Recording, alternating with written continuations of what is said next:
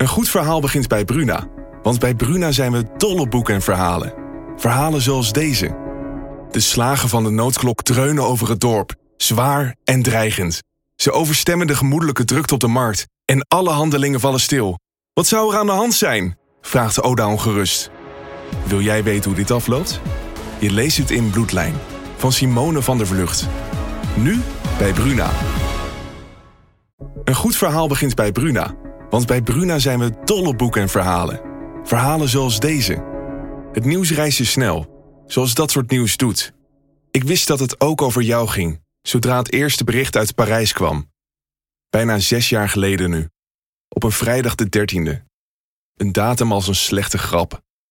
Jij was de rook, Flo, en op jouw profiel bleef het stil. Wil jij weten hoe dit afloopt? Je leest het in Luister van Sascha Bronwasser. Nu bij Bruna. 100 jaar. Radio. Geachte luisteraars, binnen en buiten het Koninkrijk der Nederlanden. And a very good afternoon. This is the Rob Out Show from Radio Veronica. Goed zo, vijftientjes. Nou, nou, hou op, hè. Even! Goedemorgen. Wat heb jij met Barkruk zitten dan opgehaald? Radio. Van waar het begon tot nu. Dit is 100 jaar radio met Harm Edens en Arjan Snijders. Met vandaag Welkom. Eh, We gaan verder met ons verhaal over de vooroorlogse radiojaren. Eh, De opbouw van een succesvol medium. De komst van de zuilen en de omroep. Eh, Veel muziek opgenomen van en gemaakt en gespeeld voor de radio. En Jacques Kleuters is wederom onze gast. Jacques Leuters! Jacques Kleuters, ja! Wat goed dat je er bent. Heb je nou hetzelfde aan als vorige week, Jacques? 100 jaar radio. Op NH Radio. We hebben het eigenlijk gehad over de voorgeschiedenis eh, van de radio. We zijn nu eigenlijk op een tijd aangekomen dat uit het HDO en uit die, al die rare verenigingetjes en dingen, dat er plotseling een nationale omroep ontstaat. Namelijk, je hebt dus die NCV, KRO en VARA. Maar die HDO die vormt zich om tot een andere omroep en die noemt zich AVRO. En dan is het landschap, het omroeplandschap gevormd, zeg maar, waar we nog altijd mee te maken hebben. En dan begint eigenlijk een nieuwe afdeling, eh, eh, namelijk dan is de voorgeschiedenis van de omroep, die dus begon bij die ingenieur die daar een beetje zat te De klungelen komt daar in, eh, in, in Den Haag. En al die experimenten en die, en die Philips en die andere bedrijven die Commerciële de- initiatieven Ja, eigenlijk, precies. ja, ja. Dan plotseling is er iets ontstaan wat de omroep is en waar ook het Rijk zich mee bezig gaat houden. Die gaat dat reguleren. Maar het was wel zo natuurlijk dat de AVRO vond eigenlijk dat zij de algemene omroep van Nederland de moesten zijn. ja. En dat die andere zuilen dus eigenlijk niet nodig waren. Of maar op een of andere manier eh, moesten ondergeschikt. incorporeren in dat AVRO. En, eh, Hebben ze nu eh, nog een beetje, toch? Nou, inmiddels niet meer Oh, toch? gelukkig. Nee, ja, mag geen enkel omroep mag meer iets vinden zelf, toch? Of doen, dat is voorbij. Maar toen wel, en toen, toen dat niet gebeurde... eh, eh, en de andere omroepen ook zendtijd moesten krijgen van de regering... is er nog een hele grote demonstratie geweest, hè? Meer mensen bij elkaar dan eh, bij de zeezendersluiting van Veronica... in, in die grote demonstraties Oh, toen. Ja. Het is prachtig om daar foto's van te zien. Want dan zie je mensen allemaal heel trots met een AVRO-logo rondparaderen. En vlaggen. En, Zilveren nou ja, theelepeltje in de ja, borstzak. Alles, alles moet Ja. naar de AVRO. Zo Nou, die, die, die verenigingen die waren in, eh, in eind jaren 20, begin jaren 30, waren die enorm bezig met hun identiteit te bepalen en die leden bij elkaar te krijgen. Want er was namelijk geen geld. Nee. Er waren nog geen omroepbijdragen. Nee. Dus ze moesten die programma's financieren uit hun eigen kapitaal. Hoe meer leden, hoe meer geld. Hoe meer leden, hoe meer geld. Dus er zijn ook van die propagandaliederen. Ik zou graag zou ik even een propagandalied van de KRO eh, willen draaien. Kan hallo, hallo, zet aan je radio en luister naar de KRO. Hallo, hallo, zet aan je radio en luister naar de KRO. Hallo, hallo, wie heeft vanavond zin en gaat de eter met ons heen? Hallo, hallo, het is de hoogste tijd, wij brengen u gezonde, frisse vrolijkheid. Hallo, hallo, zet aan je radio en luister naar de KRO. geweldig. Ja, dat waren allemaal van die vrolijke opgewekte marsen die ze voor de oorlog eh, bedachten voor dit soort dingen. En Ja. eigenlijk eh, lijkt die muziek van al die propaganda-nummers van de AVRO, van de KRO, van de NCRV, VPRO, het lijkt allemaal op elkaar. Dat vind ik dus ook. Dat is raar, want dat zijn verdeelde zuilen. hè. Ze mochten ook eigenlijk niet naar elkaars programma's luisteren. Was niet de En bedoeling, toch nee. dezelfde tactiek inzetten. Maar er zit een vrouw in dat, in dat stukje wat we net hoorden. Die heeft Ja. echt te krappe panties aan. Hallo, hallo. Die, die, die zingt heel raar. Dat is echt heel gek. En hoe, hoe ging het lied van de NCRV? eh? Ik zou dat. Housé, housé, heb hier is wel de iets- Ik heb wel iets bij me, een soort van compilatietrack. Dat is misschien wel leuk om even te draaien. vind ik Oh ja, zeker. Ja. Vlak bij de hoekvlag krijgt- krijgt Kaldenhoven de bal te pakken. Moet hem echter laten gaan. Toch weet Kaldenhoven hem tenslotte nog weer te pakken te krijgen en dan ook weg te knallen. Onze voorhoede is in de aanval. Goed gaat de bal van Hunting naar Dreger. Dreger heeft een kans, een schot in het zijnet.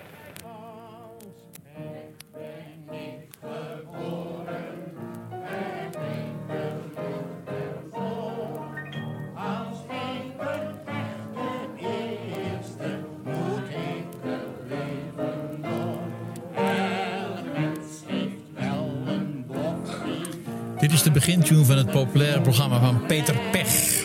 Vara. Peter Pech. Dat is een eh, typetje op de radio. Ik echt een arbeidersnaam. En Peter daarvoor Pech. horen we Han Hollander, de beroemdste radioreporter. De gebeden van de gehele natie, ja, van de beschaafde wereld, vergezellen Mr. Chamberlain op zijn reis naar München, opdat hij in staat komen een catastrofe, waarvoor de wereld gruwt, te helpen voorkomen. Dat was eh, Guus Weitzel, de bekendste eh, radioomroeper eh, voor de oorlog. En dit is een van die populaire programma's in de tijd van de mobilisatie, 1839. Louis Noir hè, met O Sergeant, ze hebben me putties gestolen. Dames en heren, desgenoten. De literator is alleen kwaadaardig in het openbaar. En aangezien ieder in Nederland kritieken schrijft, ben ik ervan overtuigd dat er geen twee desgenoten onder ons zijn die elkanders boeken niet hebben geterbraakt. Dit was eh, P.H. Ritter junior, de man die jarenlang boeken besprak voor de radio. en dit zijn Snip en Snap. Snap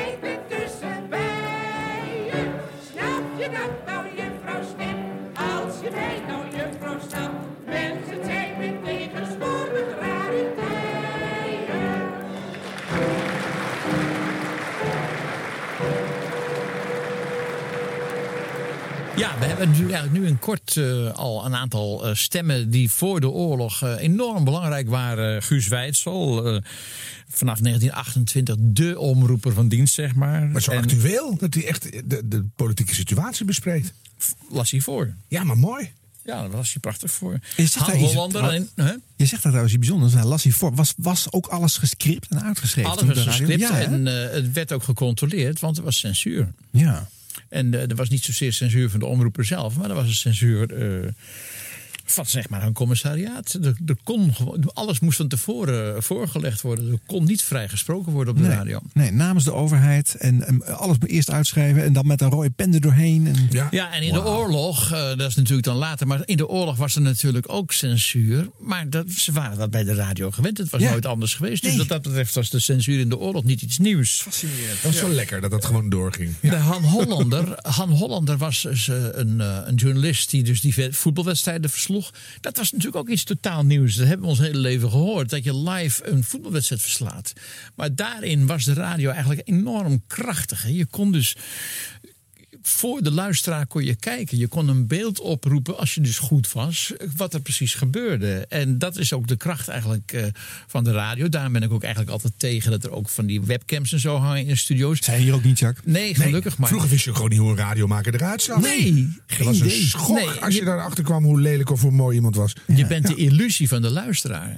En ze, ze hebben een bepaald beeld voor ogen. Ja. En je vormt met de luisteraar samen vorm je een soort van ja, eh, gemeenschap, zeg maar. En, Mhm. eh, en, en, en als je dat goed doet, dan krijg je dat familiegevoel. En daar was die radio voor de oorlog enorm goed in. Maar dat is eigenlijk nog steeds zo, hè? Want ik heb wel eens tijdens een wedstrijd van het Nederlands elftal. Eh, alleen op een snelweg gereden bij een WK-finale of zo. Ik weer de klok verkeerd staan. En dan luister ik naar Jack van Gelder, die een live verslag deed. En toen reed ik geloof ik met 180 langs Utrecht.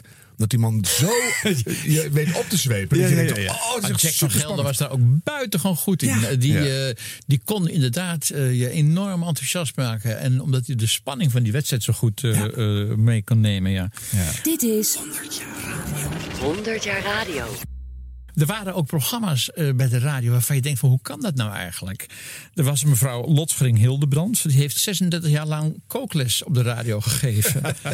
Eh, en eh, er was een mevrouw en die heeft jaar in jaar uit heeft ze knipppatronen, eh, knip... eh, eh, Ja, voor, voor breien en, en, zelf kleren maken. De beurda op de radio. Ja. Dat, was, dat was enorm belangrijk. Ze vonden op iets nieuws uit bij de radio. Ze hadden, eh, op een gegeven moment hadden ze gedacht van... weet je, we kunnen ook wel een stu- toneelstuk uitzenden.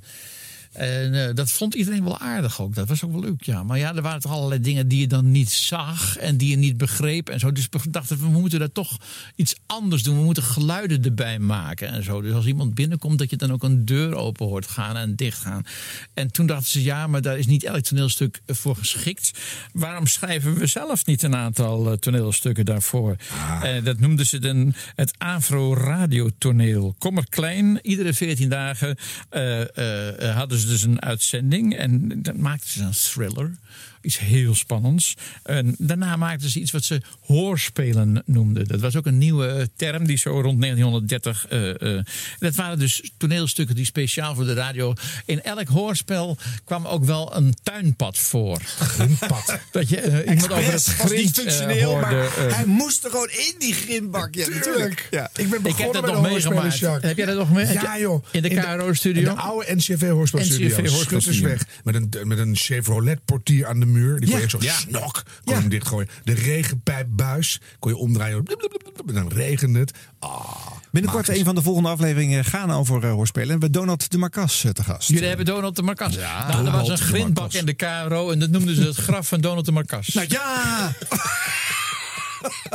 Eh, Donald is er nog steeds. Dus Ook zo lekker dat je weet waar je dan later terechtkomt. Dan kan hij zo die bak in. Nou, Dus, Donald was wel een van de allerbeste. Afgezien dat het een hele leuke vent is. Maar hij kan ook schitterend vertellen. Ja. Maar hij was een enorme goede hoorspelacteur. En dat is dus het interessante. Dus je hebt acteurs die staan op een toneel in de Schouwburg en weet ik veel wat. Maar een hoorspelacteur, dat is nog iets heel, heel, heel, heel anders. En in die tijd hadden ze dus ook eh, bij de radio hadden ze de hoorspelkern. Ja. Dat was dus na de oorlog volgens mij. Maar goed, we mogen daar wel even op vooruit lopen. En dat was dus een vast clubje van acteurs en actrices die dat eh, deden. Daar werd over gezegd, ze eh, komen naaiende binnen en gaan breiende weg.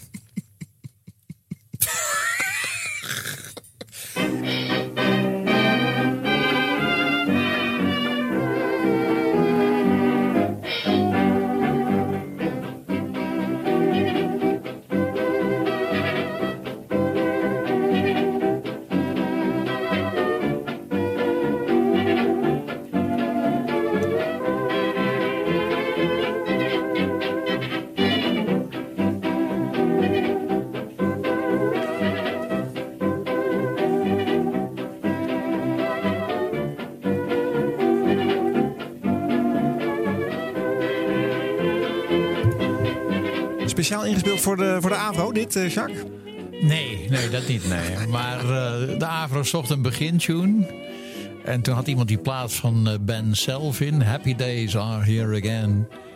En toen dachten ze, ja, dat is leuk om de dag mee te beginnen. Oh ja, begonnen En ze elke dag, elke, Elke, dag uitzenddag? begon, elke uitzeg, dus, ja, hiermee. Maar met het hele nummer? Of gingen ze dan... Dames en heren, goedemorgen. Welkom bij de Afro met deze heerlijke dag. En- Of niet? Dat, dat weet ik niet. Veel niet- frivol wat jij zegt. Dat is natuurlijk veel formeler. Oh ja. Omroepen van dienst. Thans volgt een uitzending in de zendtijd van de Algemene Va- Vereniging Radioomroep. Toch? Op 71.4. Ja. Ja, altijd die frequentiemelding ook vroeger, hè?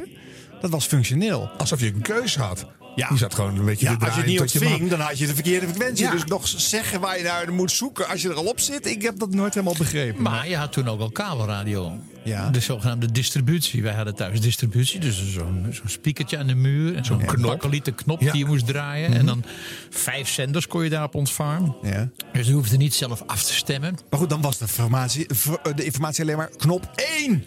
Zoek 1. Draai de knop Nee, dat één. hebben ze nooit gezegd. Nee. Dat hebben ze nooit gezegd. wasmachine radio. Ja. Wat overigens wel leuk is, nu we dan toch het beginnummer van de AVRO hebben. De AVRO had ook een eindnummer. Elke avond, aan het einde van de uitzending, moest er een zanger die in dienst was van de AVRO. Dat was Bob Scholten. Ja. Die moest naar de studio komen. En die moest daar dan gaan zingen. En die zong dan een lied. En dat moeten we dan zo dadelijk ook maar eens even uitdraaien. Is het dit, Jacques? Luister anders even hier eens naar. Goedenacht en wel terug. Luisteraar, slaap nu maar De agro gaat nu sluiten.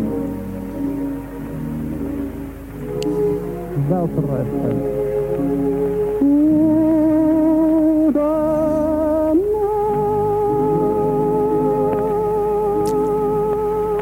Dans AVRO-vrienden, voor de laatste maal, goedenacht. En wel te rusten, wij gaan AVRO-studio, Oude Engweg 4 in Hilversum, sluiten. Ja, dat, is, dat was nog op de Oude Engweg. Dus dat is de eerste studio. Dat voor 1936 was dit. Ja. Want in 36 hebben ze toen die nieuwe studio... waar wij ook nog gewerkt hebben, Ja. Arjan, hebben ze toen gebouwd. Ja, dat was Ik dus ook nog. Jij Maar wat, wat doet het met jullie? Met dit horen? Of? Ja. Nou, ik, ik vind het heerlijk om het af te sluiten. Een dag af te Je sluiten. Nu is alles kippenvel van. 24-7 gaat er maar door. hè? Ramt maar door. En dit Ja. is een man die komt helemaal op zijn fiets naar de studio en in zijn zwarte pak. En die zegt dan, slaap lekker allemaal. Wel licht onhandig dat hij elke keer weer terug moest komen. Nee, Kon niet is één goed keer voor een bandje inzingen? Nee. Ja, ik snap het wel dat je dat zo voelt. Ik, ik heb zelf te veel informatie. Ik- die Bob Scholten, die heb ik nog gekend. Oh ja? En die man heeft een enorm ongelukkig leven gehad. En Omdat die zijn hele familie naar in studio de- moest. De hele familie is hij kwijtgeraakt in de oorlog. En eh, heeft een ontzettende slechte oorlog gehad. En dan ben je dus de populairste zanger van Nederland. Ongeveer die dus elke dag te beluisteren is. Hij was een allround zanger, want hij zong dus in die tijd was populaire muziek. eh, eh, eh, het ging om de song.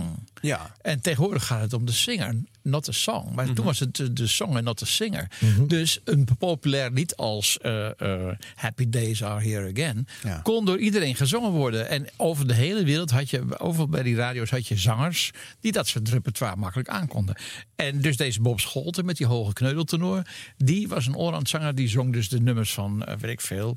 Sinatra, nou Sinatra, nee, Bing Crosby daarvoor. Ja, ja, ja. Dat zong hij, maar hij zong ook operetten. hij zong echt alles. Die man Ja. die was totaal allround. En dat was niet omdat ze niet de plaat hadden, maar omdat het gewoon. ehm, het ging om het nummer en het was het mooist als het live in de studio gedaan kon worden. Is dat het? Nou noem je een heel belangrijk ding. Ja. Want wij zijn opgegroeid in een radiotijd dat wij als radio een verlengstuk waren van de platenmaatschappijen.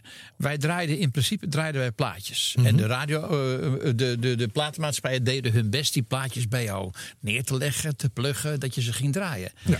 Dat is een totale verandering geweest. Want daarvoor, vroeger, in de jaren 30, waar we het nu over hebben, produceerde de radio zijn eigen programma's. Dus ze hadden orkesten in dienst, ze hadden omroepers in dienst, ze hadden zangers in dienst, ze hadden hoorspelmensen in dienst. Het was dus een groot productiebedrijf. En in die studio's in Hilversum zag je overal muzikanten lopen. Je had, eh, vader had de Ramblers, eh, Ja. de Avro had, eh, weet ik veel. De Skymasters. Skymasters, allemaal grote orkesten. Ik heb die tijd nog meegemaakt in de jaren zeventig. Eh, kwam je in een studio tussen de middag en dan zat daar weer de Jo Buddy met het orkest. En die zaten daar dan allemaal. Die gingen naar de NCRV, want daar waren de kroketten lekkerder dan bij de Vara. Weet en je van dat bij de KRO, die waren top. Ja, Maar dat soort ook. Dit Maar is de- heel belangrijke informatie, Jacques, die je geeft. Want ik ben van later datum en ik liep alsmaar door de studio zag, wat is het allemaal groot hier? Ja. Waar is dat voor? Ja. Er zat nooit die studio's die waren Omdat- enorm levendig in, in de dus. beginjaren. Ja. Vanwege de orkesten. En eh, omdat alles live was. En als er dan een gat viel, nou ja, dan draaiden ze een half uur plaatjes. Ja, ja, dat waren intermezzo's dat tussen waren de programma's. intermezzo's Ja. tussen. En dat is iets wat ik enorm mis. Dat ik denk van ja, natuurlijk, al het geld is naar de televisie gegaan. Stel je voor dat wij televisie zouden hebben in Nederland. Dat er alleen maar dingetjes gedraaid zouden worden wat door anderen gemaakt is. Dat heb je bij de commerciële. Ga je naar de RTL en zo, dan zie je alleen maar filmpjes die gekocht zijn uit de hele wereld. En, Je en hebt die al een worden tijdje geen commerciële tv meer gekeken, geloof ik. hè? Grotendeels Maar goed, dan. Nou, maar goed. Ja. Maar in principe ben je dus als omroep, als nationale omroep, of als eh, in, in- moet je zeggen, moet je eigen programma's maken. Ja. En dat was bij de radio ook zo. En er is een, een verandering gekomen toen de televisie groot werd en het grote geld weg werd gehaald bij de radio en naar de televisie toe ging. Toen kon de radio geen eigen programma's meer maken. En moesten ze dus gebruik maken van platen die ze aangeleverd kregen. Ja. Dat is allemaal in de jaren 60 begonnen en in de jaren 70 steeds groter geworden. Ja, dat is nooit, nooit meer teruggedraaid. En De verhoudingen tussen de radio- en televisiebudgetten zijn ook ontzettend eh, scheef wat dat betreft. Ik geloof Ja. dat het 92% televisie, 8% radio is. Misschien overdrijf ik het Nee, ik denk het, maar ik denk het wel ongeveer. zoiets Ja, is ja, het, ja. ja. En het is Maar het onzin. leuke is wel dat als, als er nu iets... Laatst was er bij uh, Ogen Morgen een, een, een operazanger. Onze Ja. beste countertenor, eh, heet die man Engelkens, Engeltjes, weet ik veel. Rick Engeltjes. Oh, Rick een hele, slechte soapacteur. Eh, maar, en, en dan valt het wel weer heel erg op. Ja, ja. Ineens denk je, die live kwaliteit, die is wel heel bijzonder hoor. Ja. Dus daar moeten we misschien toch wat meer mee doen. Ik vind ook dat je als eh, radiofiguur, als programmamaker, enorm eh, aanwezig bent bij de mensen. Ik kan mezelf alleen maar als voorbeeld nemen. En het is niet om op de borst te rammen. Maar ja, ik zit nu een keer al vanaf 1995 op de zondagochtend op een vast tijdstip eh, zit ik in die huiskamer terwijl die mensen aan het eten zijn. Als je dan denkt hoeveel uren dat zijn die ik aanwezig ben geweest en voor hoeveel mensen zijn dat er? Minimaal 100.000, maar ik heb ook wel tijden gehad dat er bijna 500.000, 600.000 mensen zaten te luisteren. En had je Menig ook- televisieprogramma zou daar jaloers op zijn. Ja, ja, ja. Heb je dan ook wel eens, omdat je tijdens het eten bent, dat je dan denkt... één keer ga ik gewoon een hele vieze uitzending maken? Dat Nou, dan- dat had ik wel in 1976. Eh, Toen was ik eh, nog jonger en toen begon ik eigenlijk met radio maken. En, eh, maar de laatste jaren heb ik dat niet meer. Ik ben natuurlijk eigenlijk wel een beetje suf geworden. Ja, maar ik zit je ook een beetje te prikkelen nu. Want we moeten een beetje weer die radio... Oh, je wilde ik eventjes een beetje grof uit...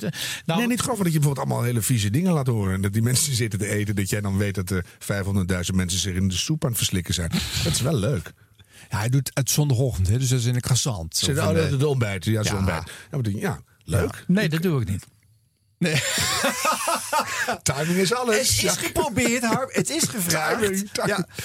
Nee, je hebt gelijk. Maar bovendien, eh, de sfeer van, die, van dat programma maakt, dat, dat, dat, dat past daar niet. Bovendien, je- als je het wel zou willen, doe je het alsnog.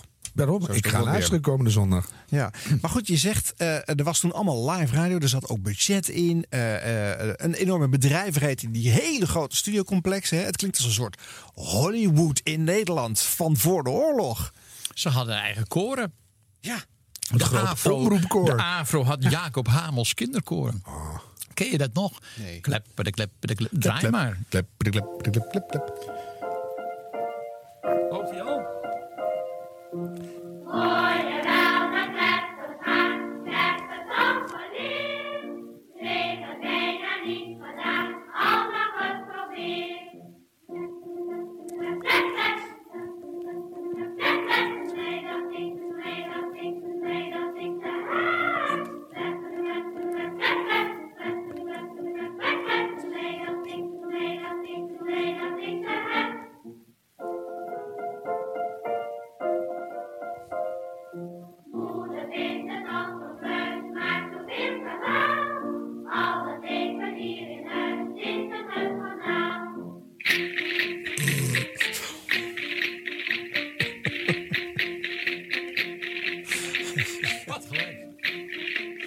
Waar klepperen ze nou mee?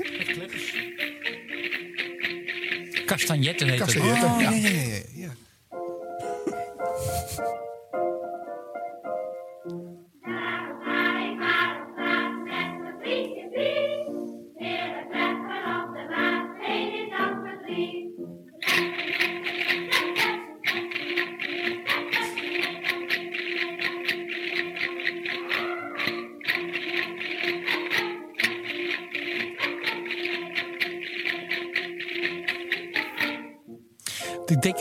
luisteraars zijn die zich dit toch nog wel kunnen herinneren van hun ouders. Of dat Nou, ze ik zelf als kind... meezingen. Ik? Jij kan Ja. het je Ja, nog ik herinneren. ken het gewoon. De kleppermars. Maar als, je, als je eigen dochter van acht het nu zou doen, zou je het weer mooi vinden, denk ik. Het is wel heel lief. Nou. Ja, nou ja, je, je rent ook keihard naar de Tweede Wereldoorlog op deze manier. Maar het is wel, ja, het, is, het heeft wel iets liefs. Ja, er staat ook op de, eh, op de, op de eh, eh, shellac-plaat die hiervan uitgebracht is... radio-uitzending zonder toestemming verboden. Dus we hebben, iets, we hebben ook nog een keertje een, een regel overtreden bij deze. De VARA had dus de, dat hamelkoor. Maar de VARA had natuurlijk toch ook een bepaalde opdracht voor zichzelf. Hè? En het socialisme was natuurlijk heel sterk verbonden met de arbeidersbeweging. En ze hadden een opvoedende missie. Ze wilden de, de, de arbeiders wilden ze verrijken, ver- verbeteren. door- Verheffen. Ja. verheffen Ja, mhm. Door ze mooie muziek te laten, door bibliotheken. Dus, er dus er zat een enorme gedachte van, van ver- verheffing zat er in die uitzendingen. En ze draaiden ook vaak muziek die je op andere omroepen niet hoorde. Bijvoorbeeld van Kurt Weill of van Eisler of van Schoenberg. Weet je, dat, soort, dat soort componisten werden moeilijkere, moeilijkere dingen eh, werden er ook gedaan. En ehm, het was serieus? Natuurlijk ook heel erg duidelijk dat er in Duitsland enorme veranderingen gaande waren op politiek gebied. En dat daar meneer Adolf Hitler eh, eh, bezig was om aan de macht te komen. En in 1933 kwam hij ook aan de macht. En was het plotseling eh, in Duitsland heel snel, binnen een maand tijd, had hij eigenlijk een dictatuur gevestigd. En toen zijn er dus heel veel Duitsers gevlucht naar eh, Europa, in ieder geval Duitsland uit. En dat waren, eh, gedeeltelijk waren dat communisten die al heel snel begrepen dat zij eh, weg moesten wezen. En voor een groot gedeelte waren het Joden die ook vermoeden dat er weinig heil voor hun in die heilstaat te vinden zou zijn. En die kwamen dus ook naar Nederland. Die wilden bijvoorbeeld naar Engeland of die wilden naar Amerika. Maar dat ging via Rotterdam. Dus die bleven dan vaak ook wel in Nederland hangen. De VARA heeft daar een, aanvankelijk een hele goede rol in gespeeld. Er kwam bijvoorbeeld Hans Eisler, wat een hele beroemde componist was. Die een van de belangrijkste componisten van Bertolt Brecht was. Ja. En die kwam op Oudejaarsavond 1932 kwam hij eh, spelen bij de VARA. En die had een, de beroemdste zanger, eh, toneelspeler eh, Ernst Busch, had hij bij zich, een communist. En eh, die eh, hadden daar een prachtige radio-uitzending gemaakt. En toen zei de opnameleider, die zei van nou, mocht het fout gaan eh, in Duitsland, u bent van harte welkom. En nog geen tien weken later was Hitler aan de macht en werd dus de democratie afgeschaft. En, en toen is dus Eisler en Bush die zijn gevlucht. Die zijn ogenblikkelijk klopte die bij de VARA aan in Hilversum of ze hier terecht konden. En konden ze terecht? Ja, die konden terecht. Maar de VARA had ook iets we hebben geen zin in allerlei communistische propaganda. Want de VARA was sociaal-democratisch. Dat is toch geen communist. En die, en die Bush die wilde natuurlijk allemaal... van die eh, vuist in de lucht eh, nummers gaan zingen. Maar dat was niet de bedoeling. Hij mocht wel zingen, maar leuke volksliedjes en dat soort dingen. Weet je wel. Dus hij werd toch een beetje onschadelijk gemaakt eh, door de VARA. En dat, dat vond hij niet fijn. Dus hij is op een gegeven moment is hij door verder gegaan. En Ernst Bush is in Moskou uitgekomen. Natuurlijk eigenlijk ook niet zo heel verstandig was. Nee. Maar wel mooi dat de VARA gewoon Kurt Weill en, en Eisner en de hele bende uitzond. Dat wist ik niet. 100 jaar radio. Harm Edens en Arjan Snijders. Want ik voel het zelf zo dat ik twee dingen gedaan heb voor die radiomicrofoon. En dat is in de eerste plaats mijn plicht. Dat wil zeggen mijn radioplicht en mijn sportieve plicht. En aan de andere kant, ja, omdat ik het zelf zo buitengewoon prettig vond. De luisteraars kunnen het prettig hebben gevonden. Laat ik u zeggen dat ik eerst dan in mijn element ben... wanneer ik voor een radiomicrofoon sta... en wanneer er iets levendigs voor me te gebeuren staat. ik heb nog een interessante opname bij me. Dus misschien ook wel leuk om te draaien. We hadden het er straks over Han Hollander. En dat was een, eh, een Joods eh, eh, sportverslaggever. die dus heel spannend die wedstrijden kon verslaan. Heel populair in Nederlanden. En ze vroegen op een gegeven moment. zou je ook niet eens een grammofoonplaatje willen maken? En dat heeft hij toen gedaan. En dat is de voetbalmatch Nederland-Timbuktu. en nu is het zo dat er in die tijd dingen werden gezegd. die wij nu totaal racistisch vinden. Oh ja. En daar is dit wel een heel groot voorbeeld van. De negerpaas naar de Hottentot. Nou, ongeveer. Luister Ik ben maar. heel benieuwd. Goedemiddag, dames en heren. Hier zijn we dan weer in het Olympisch Stadion in Amsterdam om onze zoveelste voetbalwedstrijd te verslaan. Ik zit weer in mijn kooitje bovenop de overdekte tribune en heb van hieruit een prachtig uitzicht op het terrein. Het belooft vanmiddag uiterst interessant te worden. Het is, zoals u weet, voor de eerste maal dat ons landje uitkomt tegen het negerelftal van Timbuktu. Het stadion is, hoe kan het ook anders, tot een nok gevuld. Duizenden negers zijn per prauw aangekomen en geven dit sportfestijn een onheilspellend donker aanzien. Daar komen onze jongens al het veld op. U kunt het volkslied horen spelen.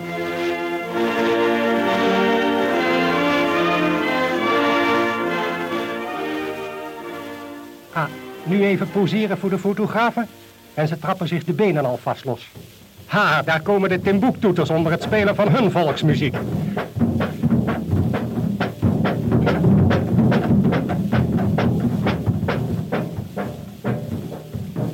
Jongen, jongen, wat wordt het ineens donker.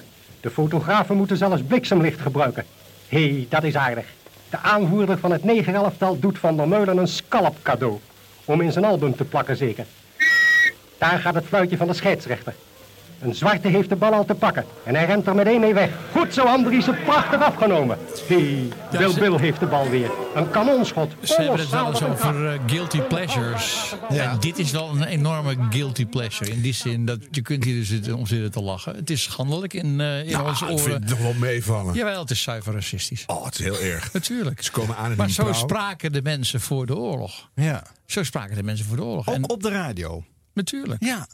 Want daar zat, je, we bespraken eerder, alles moest op, uh, uh, op papier staan. Heb je die kuifje-album uit die tijd Ja, wel eens gezien? klopt. Kuifje in Afrika. Nou, maar dit is vele malen erger. Ja, En dit is zogenaamd grappig. Is, Dit is, een- dit is grappig, ja. het wordt donker in het stadion. Duizenden negers op de tribune. Nou, nou, ik ben wel verbaasd eigenlijk. Ja. Het is wel erger dan ik dacht. Dat zijn niet de historische radiofragmenten waar wij eh, vaak op terugblikken. Nee. Maar die hebben we nu wel even meegekregen, Sjaak. Dat is een, eh, een mooie nuancering. Dit is 100 jaar radio. Hallo Nederlanders over de hele wereld. De radio was natuurlijk ook altijd eh, present bij allerlei nationale eh, belangrijke gebeurtenissen. Een, wat in de jaren 30 natuurlijk enorm tot de verbeelding sprak, dat was de, de, de luchtvaart, de KLM. Eh, dat ze dus naar Indië vlogen, naar Melbourne, de Uiver, en de Pelikaan. Daar werd ook over gezongen. Er is een lied van Bob Scholten met het orkest van Kovacs Lajos, die later in de oorlog nog vreselijk fout zou gaan. En dat lied dat gaat nu met de Pelikaan. Thank you.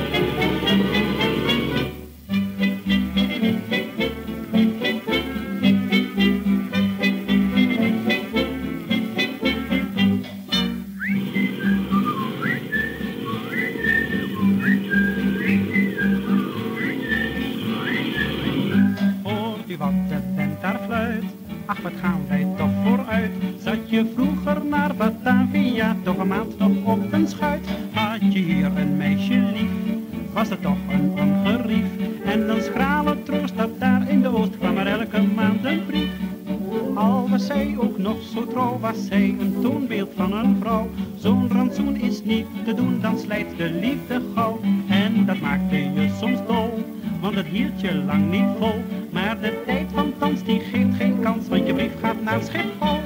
Ah, ah, ah, dat gaat zo vlug, vier dagen heen en weer terug. Dat gaat nu met de pelikaan. Pelikaan, pelikaan. Dat gaat nu met de pelikaan.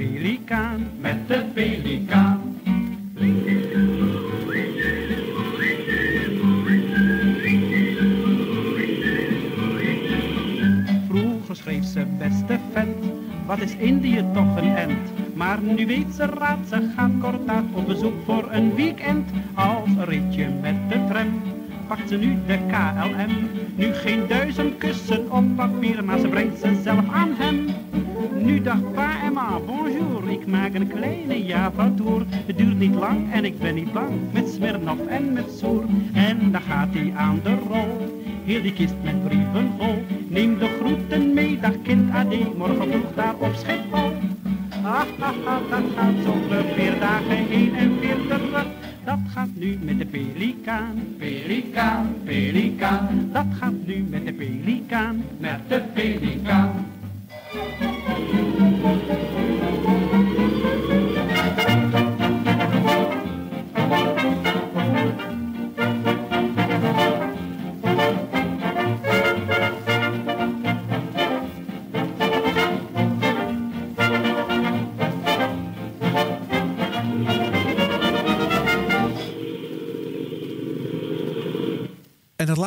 was de uiver ook zelf? Of eh, nagebootst in de studio natuurlijk? eh? Klonk als een vliegtuig.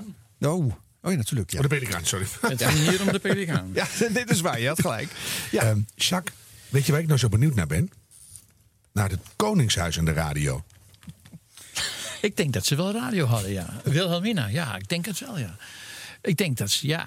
Maar ze wilden niet op de radio. Dat ze hadden al, eh, Willem Vocht en zo, die had al eh, vrij vroeg gevraagd van... eh, kunnen we niet dus die troonrede bijvoorbeeld uitzenden en zo? Ja. Nee, maar daar was majesteit was daar niet voor. En, maar ja, die radio werd groter en belangrijker. En langzamerhand begon ze toch wel te begrijpen... dat ze daarmee wel het hele volk zou kunnen bereiken. Maar wacht even dan, Jacques. Dan, tot, tot die tijd sprak ze die troonrede uit, maar niemand hoorde dat dus, behalve de aanwezigen. Ja. Oh, daar zou je het net hebben. Maxima aan de lijn. Of ze nou eindelijk eens in de uitzending mag. Willem-Alexander die ook even verteld dat hij vroeger alleen maar naar de radio mocht luisteren. Dat ze geen televisie hadden daar, hè? Dat is waar. Nee, Ze maar ik, wou- ik wou voor jou weten. Dan werd die uitgesproken in de ridderzaal toen misschien al. En er waren dus 100, 150 aanwezigen en dat was het. De radio was eigenlijk de grote afwezige in het eh, Koningshuis. Ik weet niet of ze thuis eh, eh, geluisterd hebben. Maar toen de, de verzoeken kwamen van de AFRO en zo. Of ze de troonrede mochten uitzenden. Toen was Wilhelmina, de koningin, was daar dus op tegen. Die wilde dat niet. Die had daar geen vertrouwen in. Maar die radio die werd belangrijker en belangrijker. En toen in 35 is ze overslag gegaan. Toen hebben ze gezegd: van, Nou, oké, het mag, we kunnen het wel proberen, maar ik wil er geen last van hebben. Nou hadden ze net nieuwe microfoons hadden ze, eh, eh, ontdekt, eh waren in productie genomen. En dat waren een soort van microfoons van die zwart, een beetje een appeltje. Het leek een beetje op een appeltje ongeveer. En met een kroontje erbovenop. Nou ja, geen kroontje van Wilhelmina, maar gewoon met een platte schijf erboven. In ieder geval betrekkelijk kleine microfoons voor die tijd. En die hebben ze toen onder de armleuningen van de, de stoel gemonteerd eh, in het Ridderhof, in de Ja. Ridderzaal. Even Ja. verstopt Dus in het boeketje of zo, maar dat niet. Wilhelmina zag het dus niet. En heeft dus eh, leden van de Staten-Generaal heeft ze dus eh, dat uitgezonden. En, eh, en, en, en iedereen was daar zeer over te spreken. Ze, heeft het, ze hebben het ook opgenomen, zodat ze het naderhand nog even kon afluisteren. En ze vond wel dat ze een beetje een rare stem had. Maar dat vindt iedereen die zichzelf voor het eerst terug hoort. Ja, dat is waar. En ja, dat komt natuurlijk omdat je als je praat, dan krijg je niet mee dat je ook allemaal resonantieholtes in je hoofd hebt. En, en, en, en geluidsversterkende keelholtes en noem maar allemaal maar op. Dus je hoort je stem anders. Maar Wilhelmina was toch uiteindelijk wel, zeker toen ze weer duizenden brieven had gekregen van luisteraars uit verre delen van Nederland. brieven weer, hè? Ja, Eh, en en, ook uit overzeese gebiedsdelen. Want het was natuurlijk meteen ook gerelayeerd naar Indië. Toen dacht ze, ja, dat, dat, dat moet ik toch blijven doen. Dus verder heeft ze het eh, eh, doorgezet. En er werd ook vaak over haar gezegd dat ze een buitengewoon goede en mooie radiostem had. En in de oorlog heeft ze van het medium radio enorm veel gebruik gemaakt. Zeker. Vanuit Engeland natuurlijk, hè? Ja, Ja. die kennen we allemaal nog. Ja, daar zijn ook eh, ja, inderdaad best wel wat opnames van bewaard gebleven. Ja. En toen had het ook wel, eh, ja, toen was een, een hele duidelijke functie om daar af en toe eh, Ineens eh, was te ze spreken. echt de koningin. Ook daarvan begreep ik wel dat het allemaal gecontroleerde speeches waren en dat het ook niet heel act- actueel was allemaal. Hè? Dat ze soms wel twee weken achterliepen op de realiteit. Het verheugt mij bijzonder dat dankzij de welwillende medewerking van de Engelse autoriteiten dit Nederlandse kwartier in de uitzendingen van de Britse radio is ingelast. En ik spreek de hoop uit dat vele landgenoten, waar zij zich ook mogen bevinden, voortaan getrouwe luisteraars zullen zijn van de vaderlandse gedachten die hen langs deze weg bereiken. Al heeft ook de vijand den vaderlandse bodem bezet, Nederland zal den strijd volhouden, zolang tot voor ons een vrije en gelukkige toekomst opdaagt. Maar mijn vraag blijft toch: zat Wilhelmina s'avonds op het Lo, gezellig naast zo'n eh, grote radioapparaat met zo'n oog, weet je wel, met zo'n, eh, wat je als je dan ging afstemmen op Beromünster of op andere eh, mooie stations, dan ging dat oog plotseling. En dat ze dan bijvoorbeeld eh, luisterde naar de Afro-omroeper Frits Tors, die dan de Afro-decibels onder leiding van Eddie Mink aankondigde. Tot 4 uur 55 spelen de AVO Decibels onder leiding van Eddie Mink. Ze beginnen met de Piccolino.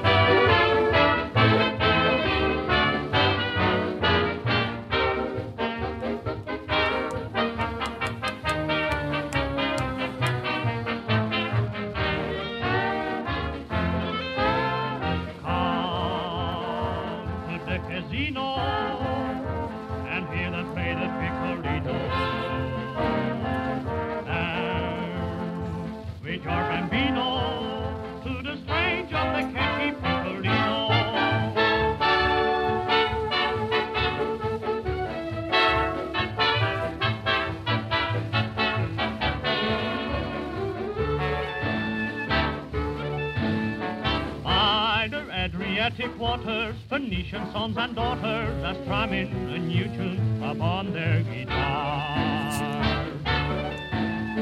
It was written by a Latin, a gondolier who sat in his home out in Brooklyn and gazed at the stars. He sent his melody across the sea to Italy, and we know there is some work to fit that catchy beat and Kristen fit the piccolino.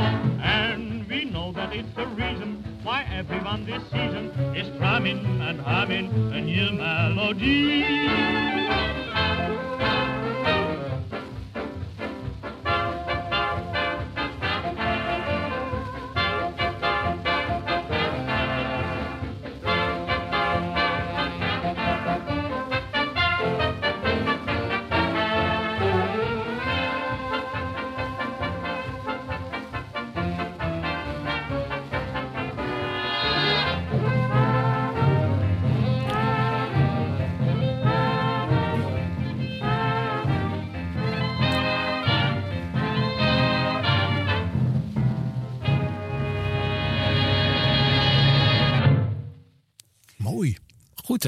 Goed, goed orkest was dat hè? En dat is nou een van die omroeporkesten wat daar gewoon door.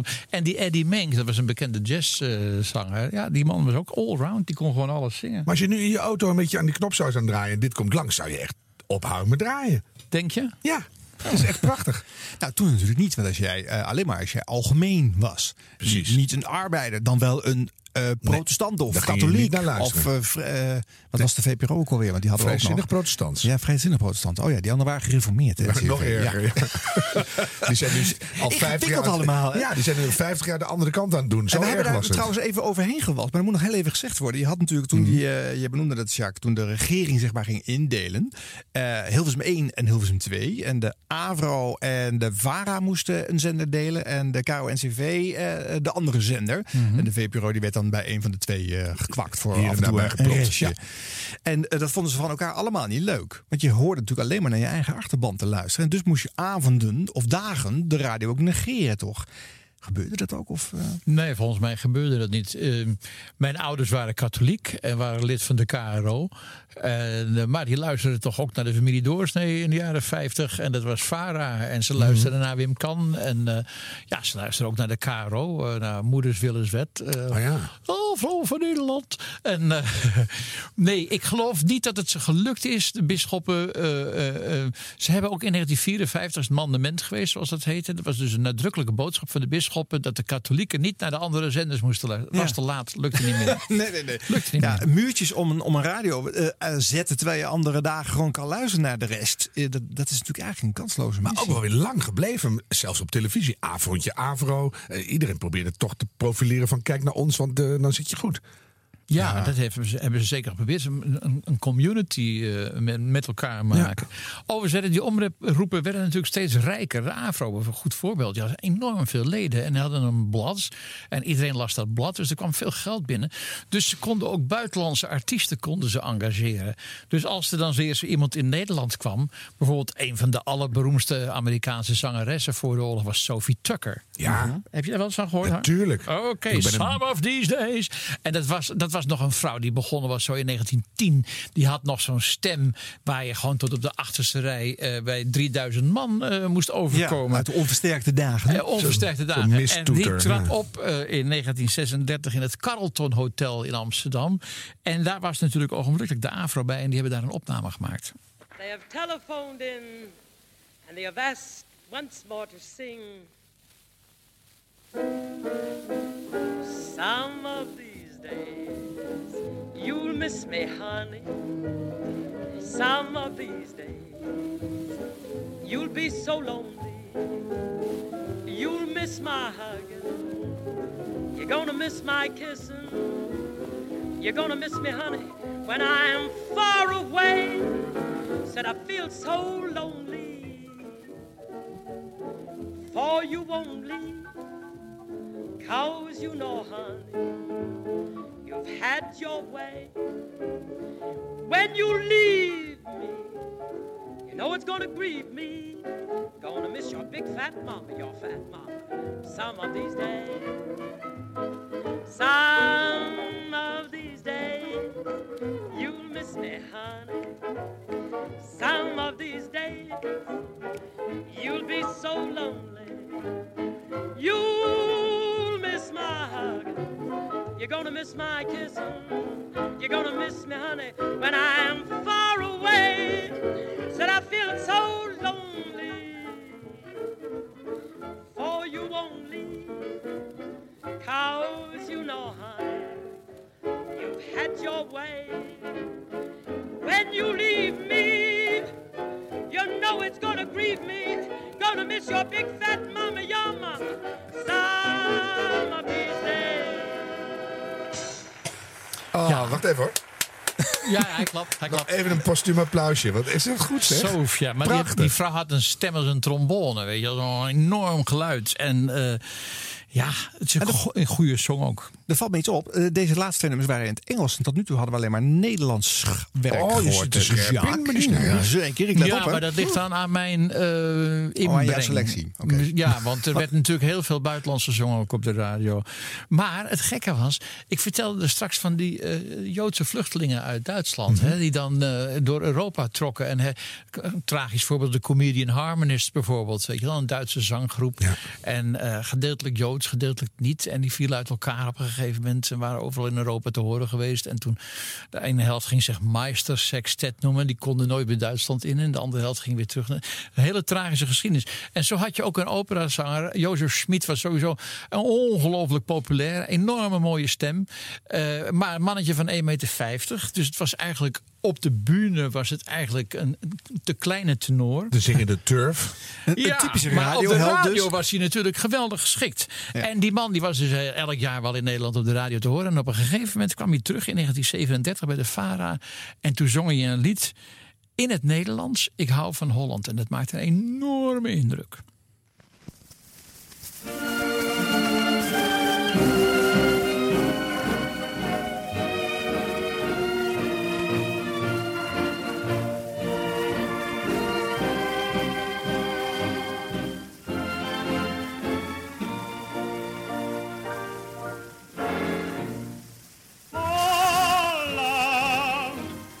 Koetjes en je leden. Ik mag jou zo gaan rijden, met je molen aan de. Holland, al trek ik naar vreemde stranden, en daar kruis ik alle landen jou vergeten doe ik niet. Ik hou van Holland, landje aan de Zuiderzee. Een stukje Holland draag ik in mijn hart het mee. Daar waar die molens draaien en hun forse.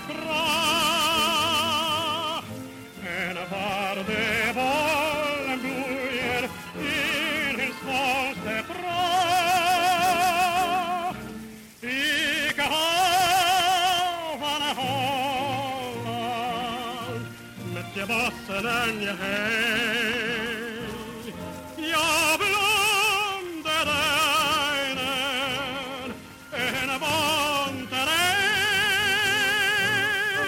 Op heel dit grote al, al ben ik van huis en hart, het kleine Holland. Pas op voor het einde. Dit naaldje is een beetje op, hè? Deze Oh. hadden eigenlijk vervangen moeten worden voordat we deze oude plaat eh, gingen opleggen. Ja, van maar hij houdt van heel veel van Holland. Ze hadden nog geen Oh. hitparade in die tijd. En toch was dit een onvoorstelbaar populair eh, nummer. Ik heb het mijn vader ook vaak onder de douche horen zingen. Oh ja? Ja, dit is een ontzettende fijne meezinger. Is het, eh, met een goede melodie, met mooie lange uithalen. Het eh, paste ook heel goed in 1937. Dat nationalistische gevoel. Oh ja. Eh, Nederland voelde zich bedreigd aan alle kanten. Ja. Door de, de, de herbewapening van Duitsland en eh, de Frankrijk, Engeland. Die machten die tegenover elkaar gingen staan. En als je dan gaat roepen van eh, dat, dat, dat hele ja, oproepen van dat, dat Nederlandse gevoel. Je zonnig, je weide. En, en je, ja, dat, dat, dat sloeg enorm aan. eh, Dat is wel heel tijd. uitnodigend voor de buitenlandse machten. Terwijl ze toch op de radio eigenlijk niks durfden te zeggen of te doen, eh, Jacques. Waar zij eh, de Duitsers eh, mogelijk mee zouden schofferen. Hè? Nee, dat, Nederland was neutraal. Mhm. En dat had in de Eerste Wereldoorlog heel goed uitgepakt. Dus ze dachten ze, laten we dat nu weer doen. Hitler was een bevriend staatshoofd. Dus die mensen die gevlucht waren... nou, in het begin deden ze daar erg moeilijk over. En vanaf 36 kwam er helemaal niemand meer in. En inderdaad, de VARA had nogal eens de behoefte om eh, eh, anti-nazi-programma te maken en zo. En dat werd geweerd. Eh, Ja. die, die controlecommissie die hield dat soort dingen tegen. Ja. En eh, ja, na de hand bezien is dat natuurlijk eigenlijk wel heel erg wonderlijk. Ja. Ik daarom een fragmentje laten horen Ja. eh, van de, de NCRV. Waarbij de voorzitter eh, de deuren naar Duitsland gewoon eigenlijk hoort openzetten. landgenoten. Van meer dan één zijde bereikte mij het verzoek om op den eerste dag dat onze NCRV na de Duitse bezetting van de vesting Holland het programma verzocht, als voorzitter van, de van onze organisatie een kort woord tot de luisteraars te richten. Met enige aarzeling voldoen ik aan die, aandrang. Aarzeling. Omdat, zoals ge allen begrijpt, grote beperking mij wordt opgelegd. Daarnaast voeg ik een woord van waarschuwing. Een waarschuwing om kalm en om waardig te zijn. Voor zover mij bekend zijn de Duitse soldaten overal volkomen correct tegenover onze burgerbevolking opgetreden. Daartegenover hebben wij als Nederlanders den plicht even correct tegenover hen te staan. Draagt geen onware geruchten verder. Spreekt geen ondoordachte woorden. Doet geen onverantwoordelijke dingen. Bedenk dat ieder onjuist optreden niet alleen voor uzelf, maar ook voor vele anderen tot de meest betreurenswaardige consequenties kan leiden. Nou, Harm, je met je hoofd ja. driftig aan het schudden. En voor hemzelf. Dus die man die staat daar voor te lezen met een, met een, met een Duitse luger op zijn hoofd. Die heeft geen keus. En dat, dat hoor je. En dan zegt hij nog heel mooi aan het begin met enige schroom, zeg ik dit. Ja. Maar oh, wat een nare situatie. zeg. Ja. Ja. Of dat zo was, eh, dat weet ik niet. Of hij een eh, luger op zijn hoofd had staan. Nou, volgens dat mij was dat in het begin nog niet. Hè? Het was in het begin eigenlijk Bij nog zo. wijze van een, ja, een sterk voorbeeld was de, eh, de directeur van eh, de AVRO, Willem Vocht, wiens naam al eerder gevallen is. Een Mhm. zeer verdienstelijke man. En die ging al in de eerste oorlogsdagen, toen de Duitsers nogal nauwelijks binnen waren, ontsloeg hij zijn beste mensen. Dus die Han Hollander die we gehoord hebben, die werd ontslagen. Guus Weitzel werd ontslagen. eh, Jetty Kantor werd ontslagen. eh, Henk de Wolf. Alle Joodse personeelsleden, die flikken je meteen uit. Zonder dat hij daar opdracht toe gekregen had. Want de maatregelen tegen de Joden waren pas veel later in de oorlog het geval. Maar hij was er als enorm snel was hij erbij. En moeten we dat lezen dan? Dat hij de AVRO wilde veiligstellen? Of dat hij die mensen eigenlijk een zetje gaf naar het buitenland? Van wegwezen hier. Ja, precies weet ik het niet. Ja, De waarom-vraag is altijd het moeilijkste. Ja. Hij heeft het gedaan. En later heeft hij enorm ontkend dat hij dat eh, gedaan eerste, Ze wilde eigenlijk zelf weg en zo. Hmm. Maar nee, dat is... Maar Arjan, ik wil eigenlijk toch even terug naar de jaren 30. Want nu zitten we plotseling in de oorlog. Dat is toch een totaal nieuw chapiter. Ja. In de jaren 30 had de machtige omroep met veel geld en steeds meer techniek in huis. Ook om shows op te nemen buiten de studio's. En wat was nu het bekendste format in Nederland in het amusement? Dat was niet cabaret, dat was revue. Oh ja. En revue, dat waren komieken. En dat was gedans, en dat was gezang, en dat was aankleding, en Veren. danseressen en veren enzovoort. En er waren een aantal grote namen in Nederland die eh, enorm veel publiek trokken. Ten eerste was dat Louis Davids, eh, die dus hele leuke liedjes had, waar hij ook actuele conferences had, et cetera. Ten tweede was het Johan Buzio, dat was een clown. Het grote voorbeeld van Toon Hermans. En dat was een dwaas, een gek, een hele rare man. eh, die vooral visueel heel erg interessant was. En dan was het Lou Bendy. Ja. Een hele populaire zanger met hele leuke, aanstekelijke eh, eh, muziek. Maar ook met hele rare grappen. En dan had, eh, nou ja, dit zijn eigenlijk de drie grote van de revue uit die tijd. En nou zou ik ze graag draaien. Een lied van Louis Davids uit de revue, live opgenomen door de KRO in 1936. En op dat moment is de gulden gedevalueerd. Dus dat is een voorbeeld van iets wat in de maatschappij op dat moment gebeurt. En waar meteen een lied over geschreven wordt. En door Louis Davids gezongen, devaluatie. En wat kost dat als je me overzet? Nog altijd één spie. Eén spie? Ben je niet opgeslagen? Ik zou niet weten. Waarom, waarom? Nou, vanwege de dinges, de degeneratie. Oh, ja. Je bedoelt de devaluatie van... Nee, man. Een gulden is een gulden en een cent is een cent. Ja, maar een cent met een stukje erin. Nee, man. Die hele devaluatie is niks anders dan een grote manoeuvre. En wat, hè? Versta je geen Engels? Ja, hoe moet ik dat nou in het Hollands zeggen? Een manoeuvre? Een, een linkie. Waarom doen ze dat dan? Waarom? Dat is doodgewoon om meer vertier, meer verkeer, meer handel, meer bedrijvigheid in de maatschappij te krijgen. Wat denk je nou, Van Rooyen, wat ik gedaan heb? Nou, toen heb je gemopperd. Nee, wacht even. Ik heb nog... Wat ik gedaan heb toen mijn Toen ben je gulden... gaan mopperen. Toen mijn gulden zakte? Wel nee, ik heb Toen een, nieuw, heb- ik een nieuw pakje gekocht. En wat gebeurt er nou als ik een nieuw pakje neem? Nou, dan heb je mis Jans. Nee, dan gaat de schapenmarkt in Purmerend de hoogte in. Want voor zo'n pakje is er wol nodig. Oh, dus die schapen hebben de handen in die gulden? Nee, kijk nou, ik zal het je uitleggen, Van Rooyen. Dat is zo allemaal zo logisch. Als ik nou een nieuw pakje koop, dan verdient die schapenfokker in Purmerend, die verdient geld. Begrijp je wel? En wat gebeurt er als die schapenfokker geld verdient? Dan lopen al die schapen daar met hun blote buik. Nee, wel nee. Dat komt pas later, want er komt er eerst nog een ander tussen die er geld aan verdient. Dat is de schapenscheerder. Die schapenbarbier die scheert die schapen, dus die verdient weer centen. En wat, en wat, en wat gebeurt er nou? En wat doet zo'n man nou als hij geld verdient? Dan neemt hij een schaar. Nee, dan neemt hij een neutje. Dus, dus, opleving in het cafébedrijf. Logisch. Nee. En wat gebeurt er met de wol? Waar gaat de wol naartoe? Die wol die gaat nou naar Twente.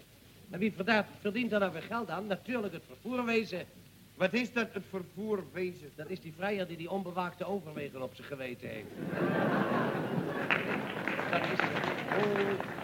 En daarna komen de losse lossers. Losse lossers, wat Ja. zijn dat? Dat zijn die kerels die die begon moeten transporteren. Dat is te zeggen, als ze niet onderweg bij zo'n overweg met een auto in botsing zijn gekomen. Dus Jongen, jongen, jongen, wat zit dat crimineel in elkaar? Ja, dat zijn geen kinderen die die evaluatie gemaakt hebben. Laat dat wel hoor.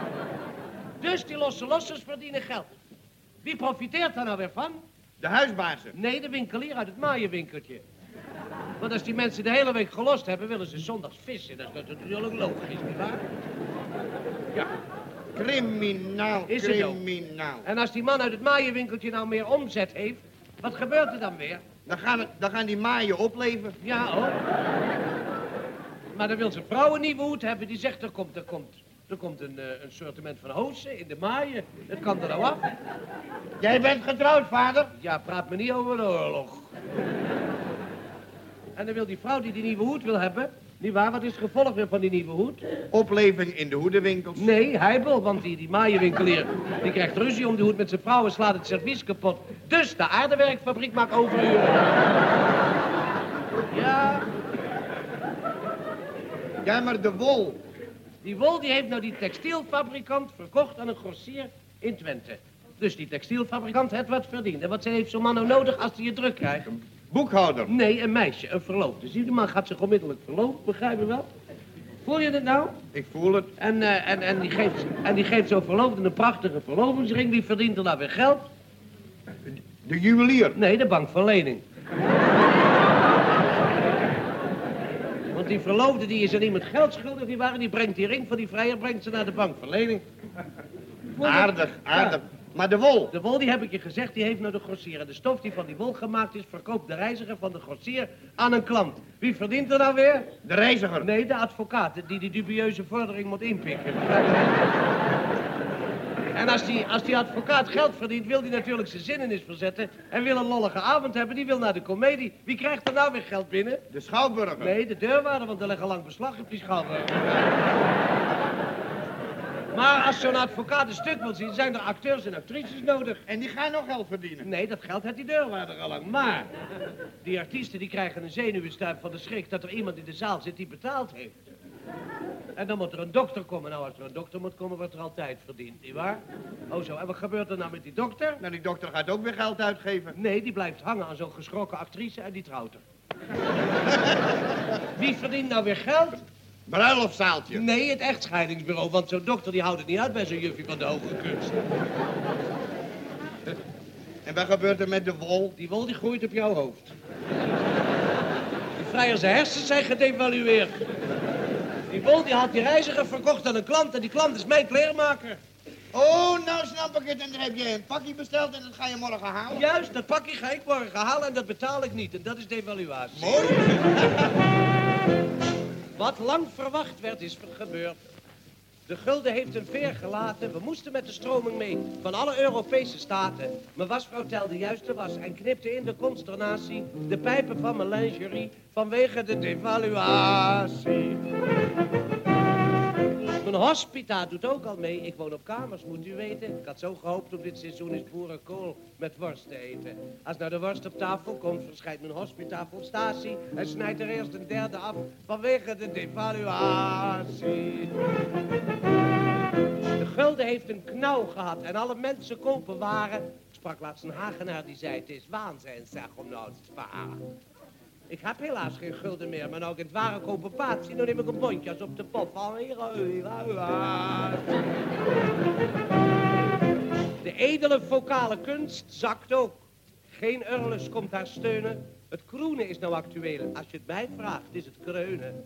Geen kunst, maar kunstenmakerij. Brengt ons de jonge generatie, de stem zit onder in de buik vanwege de. De vrouw had vroeger een figuur geprononceerd, gevuld, gedegen. En zij was trots op al wat zij van ma nature had meegekregen. Dat was solide, struis en mooi. Tot ze ging lijnen voor de gratie. Maar nou is net een lampenglas vanwege de devaluatie. Vanavond speel ik weer revue. Mijn 34ste zou ik menen. In alle rollen, zelfs als vorst en vullersman ben ik verschenen. Dan vraag ik me angstvallig af. Ben ik nog altijd in de gratie? Of laten jullie loetje los vanwege de devaluatie?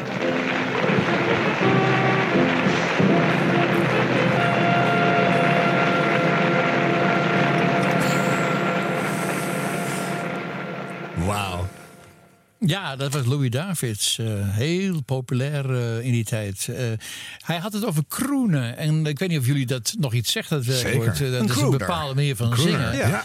Nou, we hoorden er straks Jozef Schmid met een enorme stem. We hoorden Sophie Tucker met een enorme stem. Maar Louis Davids had een heel klein stemmetje. was een astmatische man. Maar omdat ze de microfoon hadden uitgevonden, de, de elektrisch versterkte microfoon, konden ze voor het eerst klein zingen. Dat waren ze vroeger niet gewend. Dus ze hadden allemaal grote stemmen om die, die grote hallen te vullen. Maar nu konden ze helemaal in de microfoon kruipen. Je had dus eh, eh, Whispering Jack, of zo heette er zo'n crooner. En eh, Rudy Valley. Dat waren al- allemaal van die mensen die heel zacht zongen. En dat was voor Louis Davids natuurlijk een uitkomst. Want hij geen grote stem had. Dus die was ook eigenlijk een van de Nederlandse crooners. Daarom is het ook zo dat als je handelsplaten koopt van Louis Davids... waar hij liedjes op zingt zoals De Olieman en dat soort dingen... dat dat zo goed verteerbaar is omdat hij het klein houdt. Dat, Daar is het kleinkunst al. Daar is het ook kleinkunst door, ja. Maar je- Mm, maar je hoort die lijnen nu gewoon helemaal. Hè? De Louis David en dan hoor je ineens een vleugje eh to- eh, Zonneveld. En je Nou, bij, vleugje, bij Louis Davids hoor je eigenlijk Wim eh, Kan Wim Kan heel Ja, erg. Wim Kan. Ja. Zoals hij aan het eind van zijn zin, dat in Ja, weet je wel. ja, En, precies die intonatie. Dat is, Intonatie. Ja, Ja, prachtig vind ik het. Overigens ook wel leuk om te bedenken dat toen dit opgenomen werd in 1936, toen werd dat dus uitgezonden. Ja. Maar men vond dit kennelijk zo belangrijk dat ze dachten: ja, we moeten het vasthouden. Ja. Maar er bestonden nog geen tapes. Nee. En er bestond nog geen magnetofoon recorder. Een van de belangrijkste redenen waarom wij niet zo heel veel fragmenten hebben Ja. van voor de oorlog. Omdat het de lucht ingezonden werd, de ether ingezonden werd Ja. en dat het niet bewaard bleef. Nee. Maar ze hadden toch in die tijd waar we het nu over hebben, hadden ze opnameapparatuur en die gebruikten ze dus veel. Ze hadden dus speciale glasplaten, die hadden een bepaalde laag eroverheen en dat noemden ze snijplaten. Sni- En die platen die werden dus gedraaid tijdens zo'n opname. Dus Ja. in een zaaltje of in een, in een kamertje naast het toneel stond een opnameapparaat. En die kraste in dat die- glas, En die eh. krasten in die emulsie op dat glas. eh, krasten ze dus die opname. En zo kon het ook gereproduceerd worden En zo kon het later ook gered. Dus natuurlijk is het op de band terechtgekomen. En, Ja. en op CD en noem het allemaal maar op. Maar de, Daarom hebben we het nog. oude Ja. acetaten, zoals ze dat noemen, dat zijn dus. Dat laat nu ook los. Dat is als je dat tegenkomt. Dat is altijd heel griezelig. Want dan zie je dus de glasplaat. En dat zwarte spul wat er bovenop ligt, dat, dat laat, laat los. It's alive. Maar Ja. daarom is ook bij sommige oude radiofragmenten hoor je een soort plaat kra- kraken doorheen. Ja. Ja. Omdat dat de enige Dat manier was goed Ik, Ja. ik, ik zou wel eens een historische opname willen maken. En dat je dan een minuut of twintig dit geluid Ja, dat, erachter is, maakt. dat eh. kan ik zonder moeite. Of gewoon de rest van deze podcast op 1950. Kun je dat doen? Jacques, gaan wij verder in gesprek? Weet je wat ook een Welk jaar zitten we enorm nu? eh, belang... Nou, wat ik graag eh, zou willen laten horen... en dat is nog Ik weet niet of je over de emulsielaag heen komt, maar je kan het proberen. Behalve Louis Davids was natuurlijk een, eh, een belangrijke... Hij zit etiket gelopen, jongens. Sorry. Nu heeft u een droge smol, zie je? Johan, Nee, ik vind het toch te respectloos om door, door Ja, Jacques het is heen te jammer, krassen. ja. Dat kan niet. Professor, gaat u verder. Johan Buzio, eh, daar zijn weinig opnamen van. Een grote revuester, eh, maar een clown. Ehm, dus mimisch heel erg sterk. Ja, dus niet voor de radio. Voor de radio zo niet echt. Maar toch zijn er shows van hem opgenomen. En er zitten een paar monologen zijn er, eh, eh, van hem opgenomen die heel bijzonder waren. Hij had een hele rare stem. Iedereen eh, van die generatie die over Buzio begint, die gaat zijn stem nadoen. Ja, zo, zo stem had die man. En dat schoot af en toe helemaal uit naar boven. Hij was de grote leermeester van Toon Hermans. En hij heeft, Toon heeft hem ook wel vaak nagedaan. Zijn carrière ook begonnen als imitator van Buzio. Maar ik heb een mooi fragmentje gevonden uit die jaren 30. Dan is hij verkleed als schoenmaker. En dan zit hij voor op het toneel. En dan is hij zo'n beetje aan het filosoferen over die schoenen. En weet je wat nou zo mooi is, Jacques? Mijn opa was toen schoenmaker. Kijk, dat Ga bedoel door. ik maar. maar je moet dus luisteren naar dit fragment. Echt waar. Met in je hoofd dat in Duitsland de fascisten, de nazi's, aan de macht waren. En dat die anti-Joodse maatregelen hadden getroffen. En, eh, en, die, en die schoenmaker op het toneel, die is daarover aan het filosoferen. Dat is de radio van vroeger. Ja, daar hoor ik een schoenmaker. Hoor ik wat? Nee, vroeger was het de tijd. Toen liep iedereen. Toen had je nog het paardentrammetje. Die hield voor iedere deur stil. En als ze dan een beschonken meneer hadden, dan bracht de koetsier en de conducteur bracht hem naar boven. Ze kleden hem uit en lagen hem in bed. En als meneer dan niets meer nodig had, ging het trammetje weer verder. Toen liep iedereen, dat ging veel gauwer. Allemaal werk voor de schoes. Oh ja, vroeger. Vroeger had ik voor ieder gezin wel twaalf paar schoenen te repareren. Maar nou, nou bestaat elk gezin haast uit alleen uit pa en moe. En die hebben nog een tandem. Ja, schoot vandaag de dag de wedstrijd tussen de tandem en de ooievaar. Maar de ooievaar, die verliest het meestal. Laat wel eens op zich wachten op. Eh, wat moet dat leeg zijn als die mensen oud zijn? En ze kunnen niet meer tandemen. Dan kijken ze elkaar aan. En dan zeggen ze, wij hebben ons geluk vertrapt. Ja, daar zit een heleboel in in een schoen. Je wordt, je wordt filosoof. Als je hele leven onder de schoenen zit, dan je daar een paar jonge schoenen. Die ene die is helemaal op, op tandvlees versleten en de andere niet. De andere markeert niets. Die jongen die rijdt op een, op een autopet.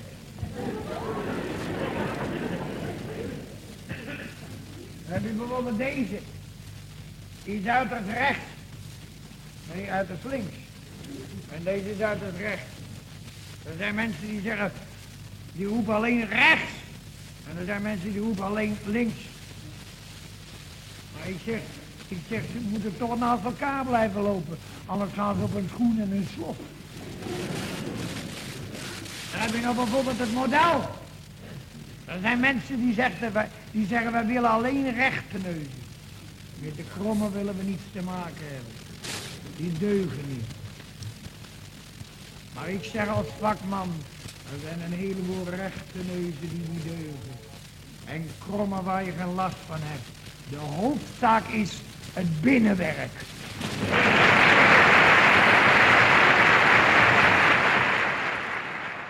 Die ontlading. Ja, Mensen dat- wisten donders goed wat hij bedoelde. Hè? Ja, hij heeft het over links en rechts. En over rechte neuzen en kromme neuzen. Met name die laatste, ja. En dat is eh duidelijke verwijzing naar eh, de anti-Joodse maatregelen in eh, Duitsland. Maar hij mocht er niks rechtstreeks zeggen. Dus hij moest het via zo'n ja, omweg moest hij het zeggen. En zo kwam het wel op de radio dus. Ja, zo kwam het wel op de radio. Ja. Het, heeft er ook wel toe geleid dat eh, toen de oorlog één keer begonnen was, eh, er heel veel grappen toegeschreven werden aan Buziot. Wat helemaal niet het geval was, want hij was al vrij snel opgehouden in de oorlog. Maar er zeiden mensen tegen elkaar, dat noemden ze fluisterwitsen, hè, fluistergrappen. Heeft al gehoord, eh, Buziot komt dus op toneel en heeft een heel groot portret van Hitler heeft hij bij zich. En zegt hij tegen de zaal van, wat zal ik ermee doen? Zal ik hem tegen de muur zetten of zal ik hem ophangen? Briljant. dat is een goede. Dat soort grappen. Ja, maar, eh, dat vertelden de mensen aan elkaar, weet je wel. En, eh, maar dat werd dus toegewezen aan, uh, aan Buziot. Maar hij heeft dat soort grappen nooit gemaakt. Maar ze hebben hem wel opgepakt. Ze hebben hem in een gijzelaarskamp gezet in Haren. En eh, dat was een, eh, een akelig kamp. Want je kon elke dag eh, kon je dus doodgeschoten worden. Als er dus door het verzet ergens iets was gedaan. Oh ja. de Duitsers dan, dan konden ze dus hun gijzelaars eh, overhoop schieten. En eh, daar zat dus eh, geruime tijd. Ook Lou Bendy heeft daar gezeten. En Lou Bendy, ja, dat was ook wel een rare man. Dat was een, een, een loose cannon. Een, een onbeheerste, eh, rare platte Haagse eh komiek. Die ook leuk kon zingen. Maar die in de, in de, in de vaart van zijn succes alles eruit kraamde. En ze zeiden, moet je niet doen, moet je niet doen, is veel te gevaarlijk. Dan deed hij het juist, weet je wel. En eh, dat heeft hem natuurlijk in de oorlog ook wel het een en ander gekost. Maar we kunnen wel iets draaien van eh, Lou Bendy. Vind ik wel. Ehm, maar dan van voor de oorlog. Uit 1936. Ook weer uit zijn revue. Moet je kan even misschien die revues kun je je wel herinneren. Jacques? Er waren grote hits zaten erin. Jacques, Ja. moet je nog even vertellen hoe het met Buzio is afgelopen? Nou, Buzio die, eh, is eruit gekomen. Die heeft zich eruit gehuild, hebben ze wel eens gezegd. En eh, ja, die was, ja, die is eruit. Maar die heeft nooit meer opgetreden. En eh, na de oorlog is hij nog een paar keer komen kijken bij Toon Hermans. En hij vond Toon ook heel erg leuk. En, maar hij is, hij, is, op- hij is in 42 heeft hij voor het laatst op toneel gestaan. Toen is hij in dat kamp terechtgekomen in Haren. Daar heeft hij een maand of wat gezeten. En toen is hij eruit gekomen en heeft hij zichzelf totaal onzichtbaar gemaakt. Zo.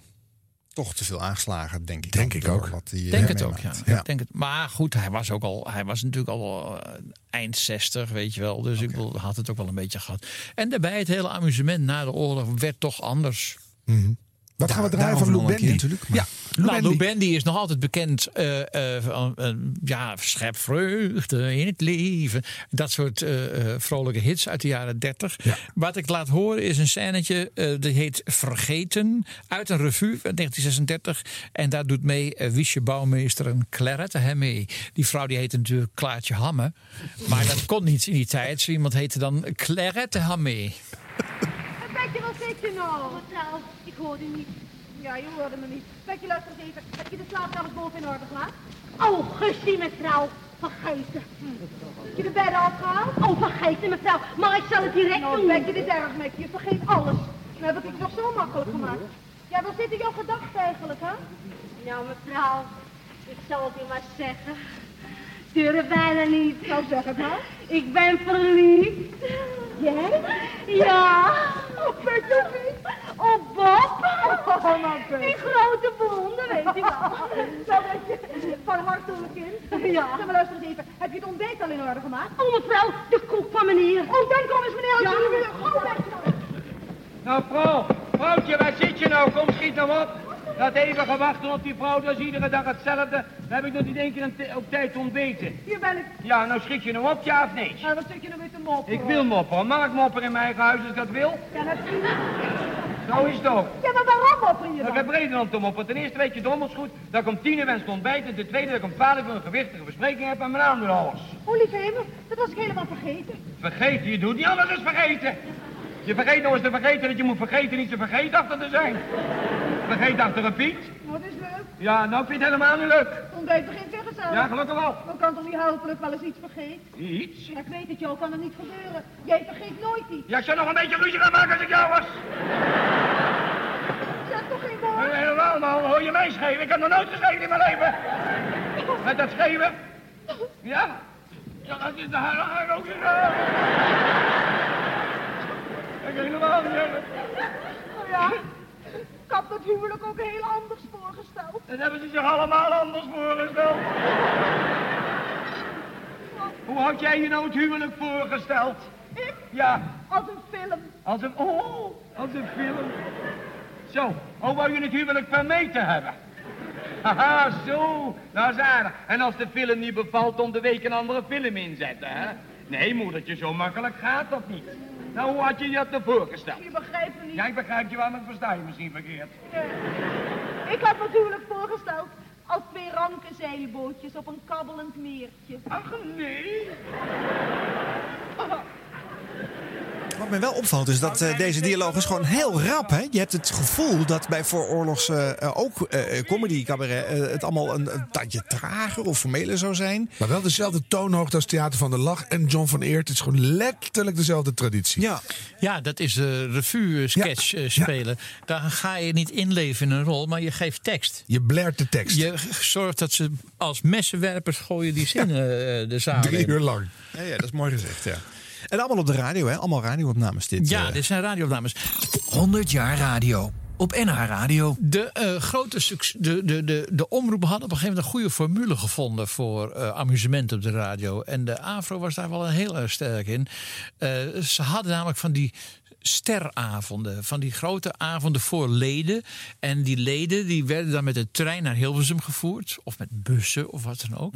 Maar eh, de AVRO had dan de bonte dinsdagavondtrein. Dinsdagavond was de AVRO-uitzendavond. Ja. En dan kwam dus er een trein aan in- op het Hilversumse station. Dan stapten die mensen uit. Dan stond er een harmonieorkest of een fanfareorkest. En dan liepen ze dus van het station met die fanfare voorop. Liepen ze dus over de Schraaflandse weg naar de grote nieuwe Afro-studio. En daar kwam En, dan... en die, van die wandeling was niet op de radio, toch? Dat was, dit Nee, is, die eh, wandeling was niet op de Off-air, radio. deze ja, wandeling. Ja, was Ja. En dat was toch een grote attractie. En er stonden de artiesten, die stonden dan al op ze te wachten.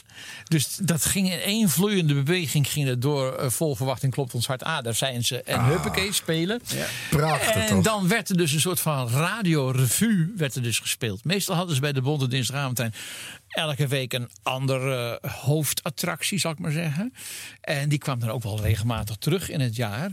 En dan daaromheen allerlei zangers en orkestpartijen en al die dingen meer. En het publiek werd meegevoerd en moest klappen. En het was een ontzettend gezellige radioavond. Dat duurde ook de hele avond. Dat was niet zomaar een half uurtje. Nee, dat was echt een breed programma was dat. Het hele gezin zat daarvoor Tuurlijk. klaar ook thuis, Juist. toch? Hè? Het radiotoestel. stopte en de wasstreek. Daar konden dus ook carrières geboren worden. Want wat was er namelijk op een gegeven moment aan de hand? Eh, er was een revue-ondernemer René Sleeswijk. En die had wat artiesten bij elkaar geraapt voor die eh, avond. En daar waren twee acteurs waren erbij. Eén had nogal vaak in revues gespeeld als komiek naast Buzio.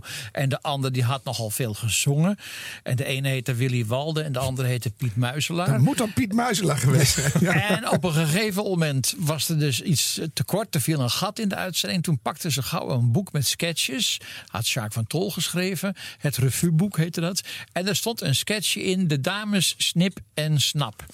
En toen werd er dus geïmproviseerd. En toen zeiden ze van, weet je wat, doe jij nou een snip en dan doe jij snap. Dan kunnen we precies die twee minuten eh, vullen. Nu, dat was een onvoorstelbaar succes. De volgende dag kwamen er weer postbussen vol, eh, zakken vol met mailen en zo. en vanaf dat moment, Meer snip en snap. Ja. vanaf dat moment waren die twee mensen aan elkaar verbonden. Die hebben de rest van hun leven altijd maar snip en snap. Want die, die Sleeswijk die heeft van dat radiosucces... heeft hij een hele revue omheen gebouwd... waarmee hij door het land ging. En die had ook die formule een beetje overgenomen. Die liet allemaal, als je in Alkmaar stond bijvoorbeeld met zijn revue... dan liet hij allemaal bussen uit de kop van Noord-Holland er allemaal heen gaan. Die had het gezien bij de Bonte Dinsdagavond... hoe Ja. je je publiek moet trekken. Ja, en daar heeft Joop het weer van geleerd. En zo heeft, gaat eh, het maar door. Joop het van geleerd. En er zitten we nog steeds mee opgezadeld, je Ja. zeggen. Ja. Nee, nee, nee. Wat we kunnen eh, draaien van Snippersnap is natuurlijk ontzettend veel. Er is veel van ze bewaard. Maar van dat vooroorlogse werk vind ik eigenlijk wel leuk de internationale parade.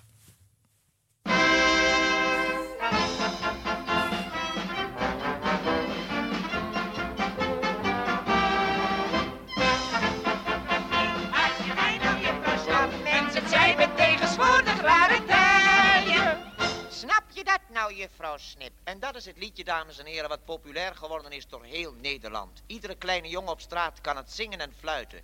Het is populair geworden tot zelfs over de grenzen. Daar zingen ze het ook. Alleen niet in het Hollands natuurlijk, in het buitenlands. Naar aanleiding daarvan zijn wij ook uitgenodigd bij buitenlandse omroepstations om te komen optreden voor de microfoon. We zijn er druk voor aan het repeteren. We zullen u even laten horen hoe ver we het al gebracht hebben in het buitenlands. We zijn eerst uitgenodigd bij Reichsender Köln. Jawohl. Achtung, Achtung, ihr Reichsender Köln. Meine Damen und Herren, Sie hören jetzt Fräulein Schnipp und Fräulein Schnapp. Wir bringen Ihnen unseren letzten Schlager. Hast du eine Ahnung, Fräulein Schnipp? Achtung, Achtung, beim Gongschlag ist es genau 2 Uhr 22. Kapelle, aufpassen. Fertig, los. Eins, zwei, drei. Schnipp? Nein, ich staude, Fräulein Schnapp. So was Tolles hat die Welt noch nicht gesehen. Ich gehe nach Hause, Fräulein Schnipp. Ich gehe essen, Fräulein Schnapp. Schweinefleisch mit Sauerkraut. Auf Wiedersehen. Es kommt noch viel mehr Schweinerei. Die nächste. Allô, allô, ici Radio Paris. Mesdames, messieurs, vous allez entendre. Heb ik een week op gestudeerd met een wasknijper op mijn neus. Mesdames, messieurs, vous allez entendre. Mademoiselle Snip et Mademoiselle Snap. Avec des fourrures et des toilettes des galeries Lafayette. Bonsoir, madame. Bonsoir, madame. Comment allez-vous, madame? Oh, merci beaucoup, Il y a longtemps que Je vous ai vu, c'est vous pourtant voir, n'est-ce sévère pas, que les vous trois m'auriez vu ce matin qui m'a dit que ma robe était Il trop de courte. C'est ce qu'il faut toujours se promener après le dîner, c'est bien pour la critique. oui, Au revoir, madame, au Au revoir. revoir. Daar was geen woord Frans bij. Chanson d'amour. Bonsoir, madame Snip. Si ce but, trois rue, ta. Ja, waarom lacht u nou? Lucien Boyer, tweedehands. Ga nog gauw. Bonsoir, madame Snap. J'ai bien déjeuné, dîner vert. Parle-moi d'amour. Suis amoureux d'Auve Claire. Au revoir.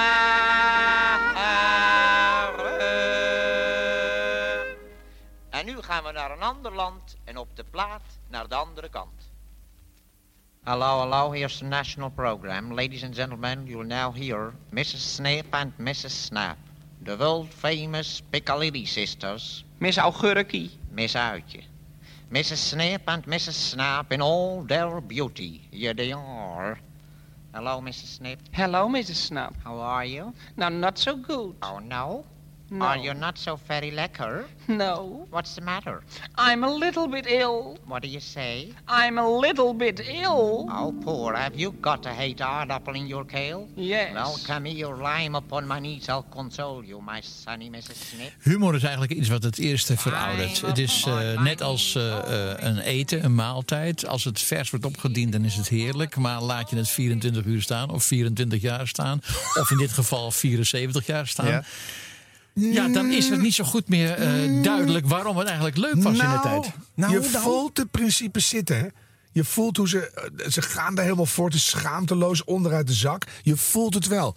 Ja, ik vind het ook wel leuk dat jij er zo ontzettend om zit te Ik lachen. kan er hier zo. enorm van genieten. En het is ook knap dat je zo'n radiorevue maakt. En dat, eh, nou ja, eh, v- 40 jaar later Annie M. G. Schmid de jaren 30 wil typeren. En dan zingen ze... Er was de bonte dinsdagavondtrein en Louis Davids en dat is zo fijn. En dan zit het er gewoon in. Dan heb je toch iets heel groots gemaakt, hoor. Ja. Dat vind ik echt De bijzonder. radio was groot voor de oorlog. Eh, Ja. Het kwam tot Hmm. stand uit een amateuristisch eh, wereldje. Het is eh, gegroeid met enorme grote omroeporganisaties... met honderdduizenden leden, met bladen en die kapitaalkrachtig waren. En die precies pasten in het eh, geestelijk klimaat van Nederland voor de oorlog... met zijn verzuiling. Eh, ze hebben zich eh, gelaveerd, eh, ieder op zijn eigen eh, ideologische basis teruggetrokken. Ze hebben mensen gebonden, ze hebben mooie avonden uitgezonden. Hoge kunst en heel triviaal en heel gezellig, ook voor de hele brede eh, bevolkings. En ze hadden vaste dingen. Ze hadden vaste rubrieken, ze hadden vaste mensen die herkenbaar waren. Ze, hadden, ze namen dingen uit Amerika over, zoals eh, hersengymnastiek, weet je wel, quizzen en dat soort dingen. En ze hadden weerberichten en ANP. Maar, maar ze hadden ook hun eigen muziek, ze hadden hun eigen orkesten. En er is dus toch wel veel verloren gegaan sinds die tijd. Ik zou ze graag willen afsluiten met eh, iets waar de VARA altijd mee afsloot. De VARA had een fantastisch orkest, de Ramblers, jazzorkest, maar konden echt alles eh, spelen. En een van de nummers die zeer, zeer beroemd zijn geworden, eh, eh, dat is Farewell Blues. Je hoort de leider van eh, de Ramblers, Theo U. de Marsman, het aankondigen.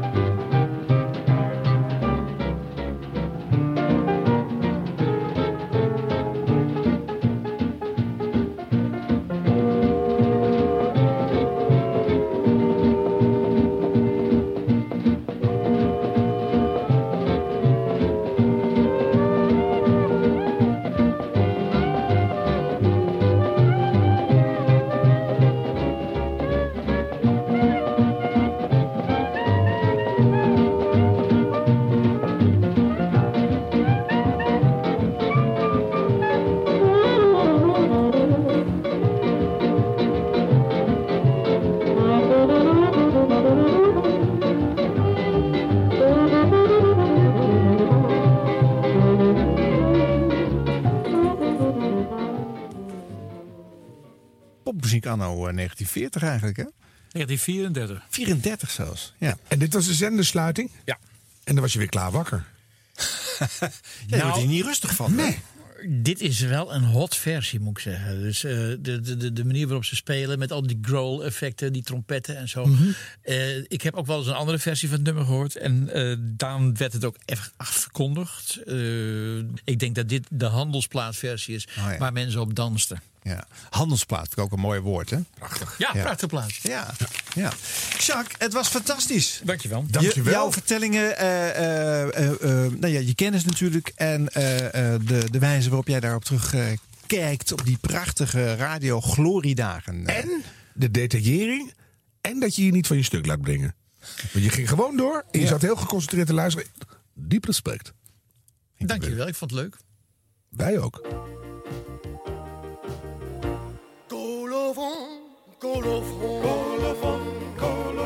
Aan dit programma werkte mee Edwin Wendt. als hofleverancier van de fragmenten. Oh, was hij dat? Ron Vergouwen, Bart Schutte. Harmeders, dat ben ik. Oh, Erg Snijders. Mag ik zijn? Jente Kater. Alexander Pilstekker. En 100 jaar radio wordt gemaakt in samenwerking met www.jingleweb.nl. Het genootschap Radio Jingles en Tunes. NH Radio nam je mee terug in 100 jaar radiogeschiedenis. Ga voor meer afleveringen en bonusmateriaal naar nhradio.nl.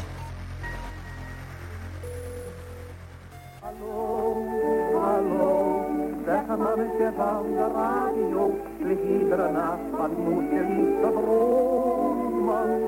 Hallo, hallo, of roep je boven dat Jantjes moesje gauw terug moet komen. Goedenacht en wel terug. Luisteraar, laat maar wachten.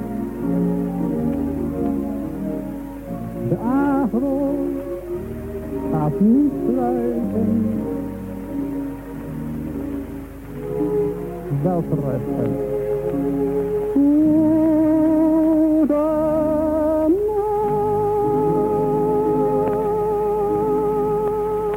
Dansavo-vrienden, voor de laatste maal, goedenacht.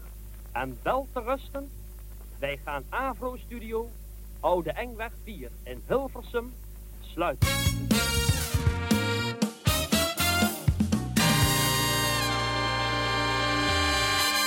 De vacaturebank.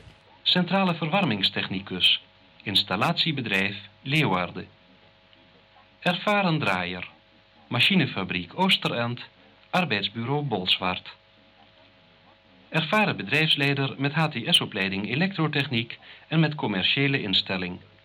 Elektrotechnisch installatiebureau Enschede.